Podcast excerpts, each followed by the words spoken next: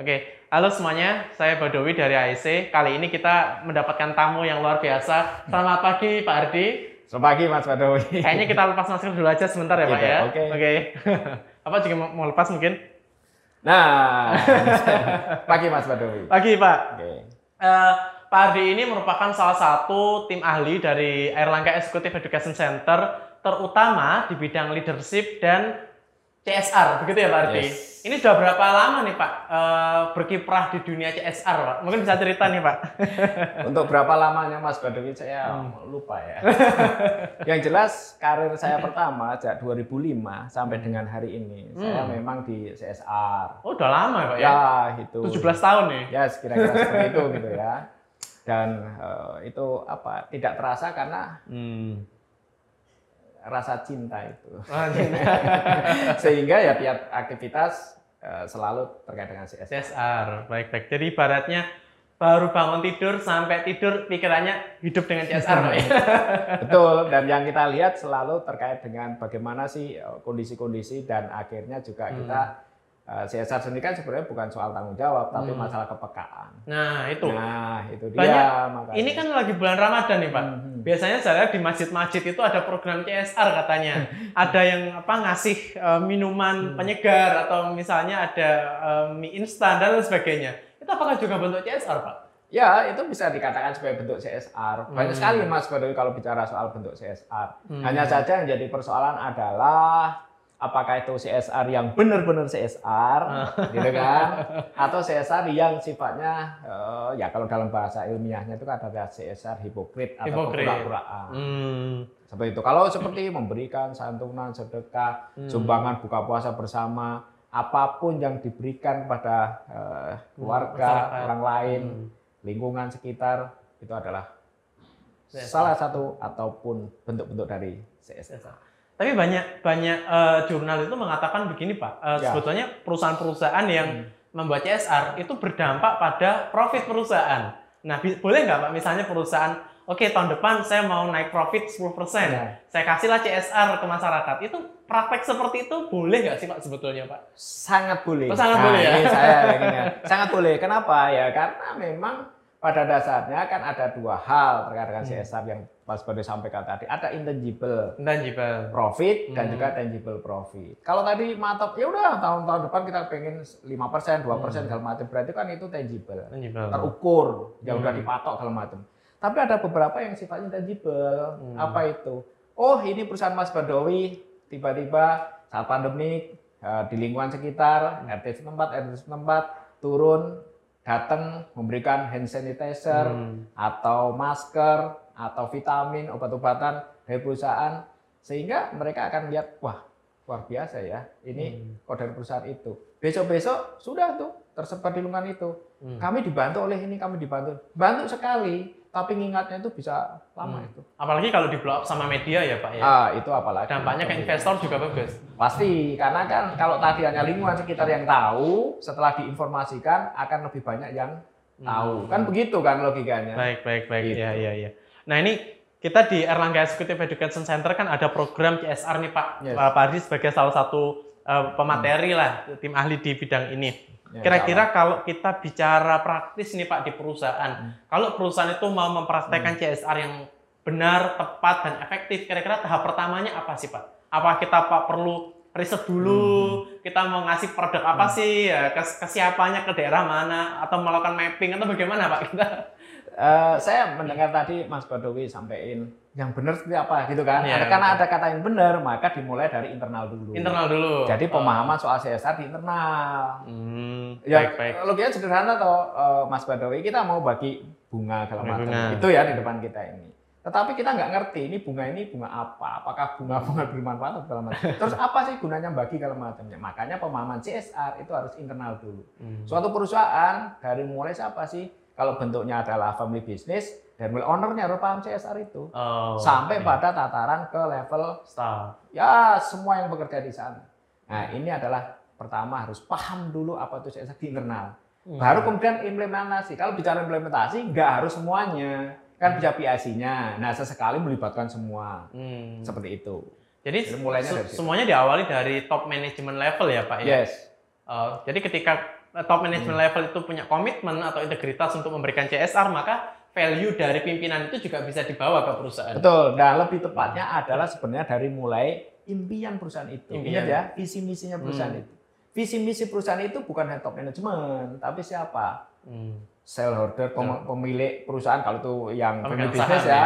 pemegang saham kalau itu publik kalau macamnya itu punya impian, visi Hmm. misi. Nah, visi misi itu diterjemahkan oleh top management. Hmm. Kalau visi misi sudah bicara soal berbagi, maka tidak ada istilahnya itu kemudian Hmm. apa ya eh, dari operasional itu tidak akan melakukan seperti itu. Kalau tidak melakukan salah satu di visi misi berarti kan sedikit berbelok atau melanggar gitu ya Mas Badul. Iya, Nah, iya, oke, oke, oke. Nah, berarti memang CSR ini menjadi salah satu keharusan ya Pak sebetulnya ya. Keharusan bagi perusahaan kalau dia mau sustain, kan begitu berarti ya.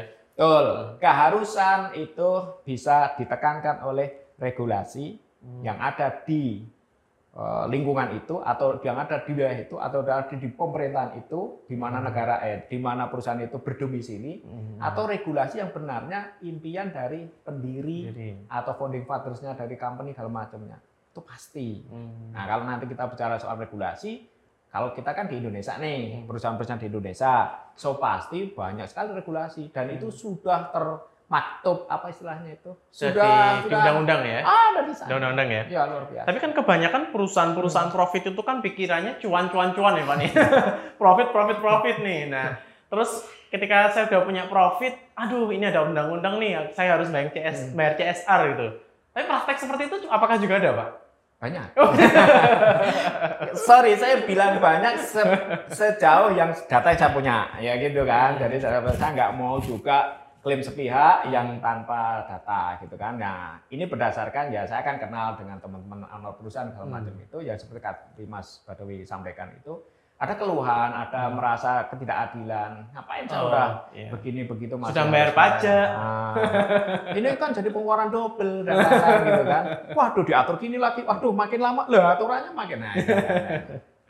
Iya, iya. Gitu. Jadi memang eh, kesadaran dari top management level, dari seluruh, seluruh stakeholder itu Yes. penting ya Pak ya. Betul. Supaya tidak ada merasa sudah bayar pajak, mengeluarkan CSR, dan lain sebagainya. itu kembali lagi karena pemahaman CSR sendiri belum tahu, Hmm. belum apa Filosofinya namanya. itu apa gitu, belum dapat ya. Filosofi, jadi pemahaman terkait dengan filosofi, definisi, Hmm. regulasi, implementasi jadi satu paket. Hmm. Kalau itu udah paham dari mulai filosofinya, maka tataran implementasi ada aturan atau tidak ringan dia akan melakukan. Hmm. Dan tidak ada lagi keluhan-keluhan. Kenapa? Yang tadi kita bicarakan soal Hmm. tangible and intangible profit dari Hmm. company yang pada akhirnya dia akan nikmati sendiri. Nikmati sendiri. Oke. Betul. Nah, ini kalau saya lihat di di beberapa program yang dilakukan sama Erlangga Executive Education Ya. Center ini kan juga mengusung berkaitan dengan eh, ISO 26000, Pak. Ya, Nah, ini kaitan ISO 26000 dengan CSR ini seperti apa nih, Pak? Ya. Jadi ISO 26000 itu kan eh, pedoman bagaimana teman-teman dalam melakukan program CSR. Hmm. Jadi standarisasi dalam melakukan program CSR. Tapi tidak hanya CSR, itu ada kata C kan. Hmm. Corporate Social Responsibility. Sebenarnya di ISO 26000 itu lebih menekan kepada semua institusi yang melakukan program social responsibility, Mas. Nah, Ya. ini social responsibility. Lebih pada tanggung jawab sosial Sosial. gitu kan. Itu baik yang profit, non profit segala macamnya itu bisa pakai ISO 26000 karena Hmm. di sana ada tataran-tatarannya. Di mana memulai kita eh, menentukan objeknya, Hmm. ada ada transparansi, gender, hak asasi dan lain-lain ada semua di sana. Bahkan sistem pelaporannya pun juga ada di sana. Itu kalau mau mengacu ke situ. Hmm. Jadi semacam namanya ISO kan standar bagaimana kita tahapan untuk menyusun atau membuat sebuah program CSR ada cuma di sana. Oke. Itu Ingat itu hanya eh bukan hanya maksudnya tidak khusus atau wabil khusus C Hmm. SR tapi SR-nya. SR-nya. Ya, itu lebih luas lagi. Social responsibility. Di depannya bisa C, bisa I, bisa G, Hmm. kan gitu kan government social responsibility Iya. bisa gitu kan dan lain-lainnya nih social responsibility Ini kalau saya lihat di, di beberapa Ya. eh, peraturan pemerintah ada istilahnya itu PKBL ya Pak Ya. ya. Nah ini ini sama juga dengan CSR yang dimaksud oleh perusahaan-perusahaan itu Pak. ya kalau dalam implementasinya bisa sama Bisa sama. hanya karena definisi dan juga dasar hukum atau regulasi itu Hmm. mengacunya yang berbeda maka ada beberapa aturan Hmm. kalau CSR corporate social responsibility ada beberapa regulasi misalkan contoh oh mengacu pada undang-undang minyak dan gas 2000 apa nama 2001 kemudian ada undang-undang penanaman modal ada undang-undang lingkungan hidup ada undang-undang PT Hmm. tapi kalau yang PKBL tadi adalah program kemitraan bina lingkungan Hmm. dan memang itu khusus ya Hmm. khusus dimandatorikan oleh Kementerian BUMN Oh. karena PKBL sendiri itu berlaku bagi perusahaan-perusahaan BUMN. Oke. Ada permen BUMN-nya, Mas. Hmm. Permen BUMN di mana ada beberapa perubahan dan di situ ada dua hal ditekankan. PKBL, program kemitraan dan bina lingkungan. Hmm. Kemitraan itu apa? Kemitraan itu terkait dengan bagaimana korporasi BUMN itu memberikan stimulis, Hmm. stimulasi, stimulus atau istilahnya mendorong usaha mikro kecil menengah diberikan soft loan misalkan Oh, pembinaan dengan cara penambahan modal kerja untuk investasi tapi tidak hanya cul begitu Hmm. diberikan dana untuk coaching eh, gitu ya? ya betul Hmm. dan setelah itu dilatih diberikan akses eh, apa namanya Pasar. pameran Hmm. dan lain-lainnya yang kedua BL bina lingkungan mereka juga memberikan tuh beberapa misalnya komunitas-komunitas warga masyarakat ataupun lingkungan-lingkungan untuk memajukan wilayahnya dan Iya. juga mendorong potensi-potensi yang bagus. Contoh misalkan sebuah kampung ada beberapa apa namanya pemuda yang produktif bagus, pinter dalam olahraga tertentu, diberikan tuh bantuan misalkan bolanya, misalkan netnya atau kalau itu bola voli misalkan atau beberapa lapangan segala macam. BL lebih kepada pemberian hibah Ya. kepada lingkungan, tapi bukan untuk individu mas. Hmm. Untuk siapa? Organisasi. Organisasi, komunitas, Komunitas. intinya tidak untuk perorangan. Oke. oke, Itu. oke. Jadi PKBL. Nah, makanya kalau PKBL itu untuk BUMN ada eh, apa namanya mandatorinya adalah permen BUMN. Sebetulnya kalau program CSR atau PKBL ini diterapkan, sebetulnya eh, konsep 3P itu terlaksana Pak ya? People, planet, profit itu semuanya berjalan ya Pak? Sangat. Sangat berjalan. Ah, seperti yang itu diangkat oleh Elkinton John atau Yes. John Elkinton gitu ya. Jadi memang eh, keseimbangan itu mesti harus bisa Hmm. dicapai atau equilibrium gitu ya.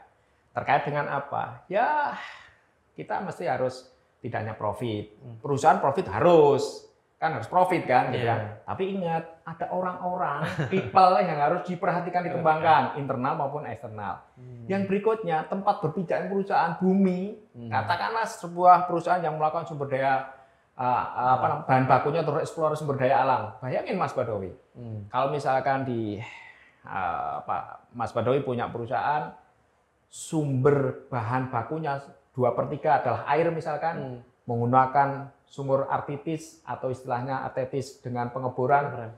sampai berapa lama itu akan bisa dipakai Hmm. tanpa ada perhatian untuk renewable. renewable. Oke oke. Nah Nah, ini kayak kayak gitu. Makanya Hmm. triple P menjadi penting.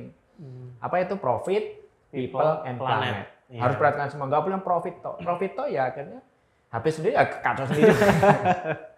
Kita ambil dari alam, tapi kita tidak ber- eh, mengembalikan lagi ke alam ya. ya. Lama-lama alamnya habis. Betul. Itu itu yang yang Baik. harus dijaga. Nah ini bicara soal aspek lingkungan nih Pak. Ini Hmm. kayak saya melihat perusahaan-perusahaan ini kan untuk aspek eh, GRC ya, governance, risk sama comply, Hmm. itu ada satu dari Kementerian Lingkungan Hidup Pak. Kalau Hmm. tidak salah memberikan predikat eh, proper, eh, hijau, kemudian Ya. merah dan sebagainya. Itu bagaimana Pak mekanismenya? Ya, sebenarnya istilah proper itu kan awal mulai itu ada dari Kementerian Lingkungan Hidup memang, Hmm. tapi dulu dikenal dengan istilah prokasi. Prokasi. Prokasi itu gampang singkatannya. Program kali bersih loh. Oh. ya memang begitu lah. gitu. Pro, loh, prokasi itu cikal bakal dari proper. Program kali bersih. Gimana sih? Dulu perhatiannya adalah semua perusahaan itu, eh tolong sungainya jangan tercemari. Maka Ah. bersih kan.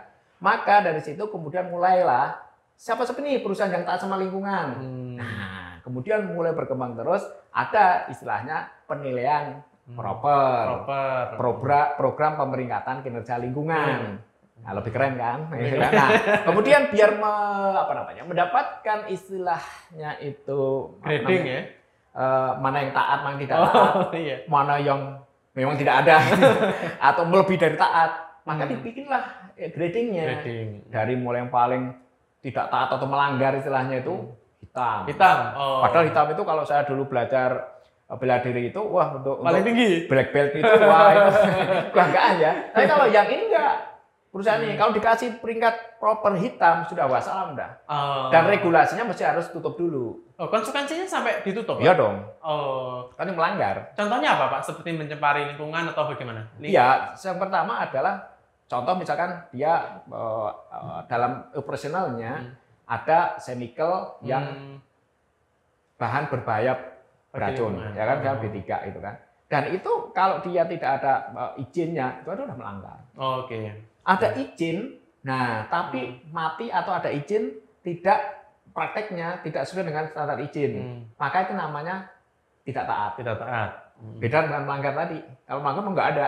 Hmm. Kalau yang tidak taat. Nah, maka kalau yang tidak taat gimana? Dikasihlah grading atasnya. Apa itu? Setelah black, red, merah. dapat merah itu kan? Ya, dapat merah. Jadi merah itu masih bagus ya, Pak ya? Eh, Daripada hitam. Iya, bagus tapi itu itu itu itu tidak taat, ya kan? Kemudian baru oh ya ini sekarang sudah ada izinnya, nggak baik segala macamnya kan gitu kan. Semuanya sesuai dengan regulasi kalau dinilai dari Kementerian Lingkungan Hidup atau Dinas Lingkungan Hidup atau tim dari proper itu dikasihlah dia biru. Biru. Oh. Nah, Jadi mulai dari hitam, merah, biru. ya. Oh. Jadi hitam paling rendah. Paling rendah. Kemudian merah itu yang tidak taat. Tidak ini taat. melanggar. Melanggar. Kemudian yang biru itu taat. Oh, taat. Nah, Oke. kemudian setelahnya, oh selain taat, dia juga ada eh, tambahan eh, apa namanya eh, sedikit inovasi, Sedikit gitu inovasi. ya, sedikit inovasi Oh. gitu kan. Berarti kan tidak hanya taat, tapi lebih dari taat. More than. Nah, itu berarti apa? Dikasih lah dia hijau. Hijau. Oh. Nah, ini yang Terbaik nih Pak Ijo. ah, belum. Oh, belum. hijau udah oke lah Udah ya, oke. itu udah keren lah, ya. hijau udah keren, kalau bidang taat segala macam. Nah kemudian ada lagi yang eh, sempurna, katakanlah gitu ya. Dia tidak hanya lebih dari taat, tapi dia juga sudah membantu program-program Hmm. untuk yang tadi itu. Iya, iya. Eh, bagaimana eh, semua pemanfaatan barang-barang bekas, misalkan contohnya ya, itu bisa dimanfaatkan lagi. Di renewable ulang. Selain renewable juga dia bisa bagaimana eh, inovasi dalam energi. energi. Ya, Hmm. jadi udah dia memikirkan kanan segala macam. Itu nyata memang investasi. ada praktek seperti itu. Ada. Oh. Makanya gradingnya dikasih lagi itu Apa ya, Pak? emas. Emas. Oh, Oh. iya. paling tinggi itu. Paling tinggi emas. Kalau udah dapat emas, tapi nggak mudah. Oh. Misalkan tahun ini properti kan mulai Juni ke Juli gitu Yes, ya. yes. Periodenya kan begitu gitu. Tahun satu gitu kan. tahun ya? Ya. Artinya Oke. misalkan Juni 2020 Hmm. sampai berakhirnya ke Juli Ini tahun depan. tahun depan. Ya. Oke. dari mulai proses sosialisasi, kemudian proses eh, apa namanya verifikasi dan lain-lain sampai eh, data dan nanti ada tahap-tahapannya ya. Namanya. Misalkan kan kalau dulu pakai hard copy harus kirim, sekarang udah pakai sistem aplikasi. laporan Oh, elektronik, oke. namanya simple. Jadi orang Hmm. ngisi-ngisi aja, ngisi-ngisi bagaimana ketaatan terkait dengan eh, apa namanya PPLU-nya, Hmm, hmm, hmm. misalnya pengendalian pencemaran eh, udara, kemudian PPA, pencemaran air, dan juga PPL B3. Hmm. B3. Ini sedikit saya eh, lompat-lompat mas ya, Lompat-lompat, agak it's okay. diurut karena kan cukup. Banyak ya. Tapi yang jelas adalah black ya, Black. itu yang melanggar. Paling bawah ya. Ya, kemudian merah itu Merah. ya, tidak taat, biru, Biru. taat, Hmm. kemudian hijau itu lebih dari taat, merah eh emas, Emas. itu sudah Best. The best. sudah bisa berinovasi terkait Hmm. dengan energi, terkait dengan eh, limbah-limbah yang ada menjadi lebih eh, Hmm. bermanfaat lagi. Oke, Pak. Dan itu nggak mudah. Oke. Kembali lagi kan, butuh komitmen. Oke, supaya lebih mudah tentunya perlu ikut program CSR di AEC Uner Nah, ya Pak ya. Karena Nanti akan dibantu langsung sama Pak Hardi. Ini beliau pengalaman sudah 17 tahun di CSR Pak ya. Ya. Menangani banyak CSR di perusahaan-perusahaan big company di Indonesia. Bahkan sampai saat ini juga penggiat CSR ya Pak. ya. Kalau saya lihat jadi- kemarin Bapak membuat apa eh, kunjungan di berbagai kabupaten Ya. untuk mensosialisasikan. lebih kepada menguatkan, memotivasi Hmm. teman-teman di forum CSR. Kenapa ya? Karena memang dulu awalnya saya bikin konsep dan juga eh, kita bikin ya, namanya forum CSR di Jawa Timur. Hmm. Eh, itu terinisiasi oleh eh, apa? Biar ada sinergi antara perusahaan dengan pemerintah, Pemerintah. dalam rangka untuk pembangunan daerah. Oke. Nah, di sini peran kita untuk dari dunia akademis juga ikut berperan nih Pak. Harus. Jadi tidak hanya Harus, government sama company, university Ya. juga Iya. berg- bergabung nih kan sukanya ABG ya, Academic Business and community. Economic atau government tadi kan. Itu triple helix sih Pak kita ya, Nah, triple helix betul. ya.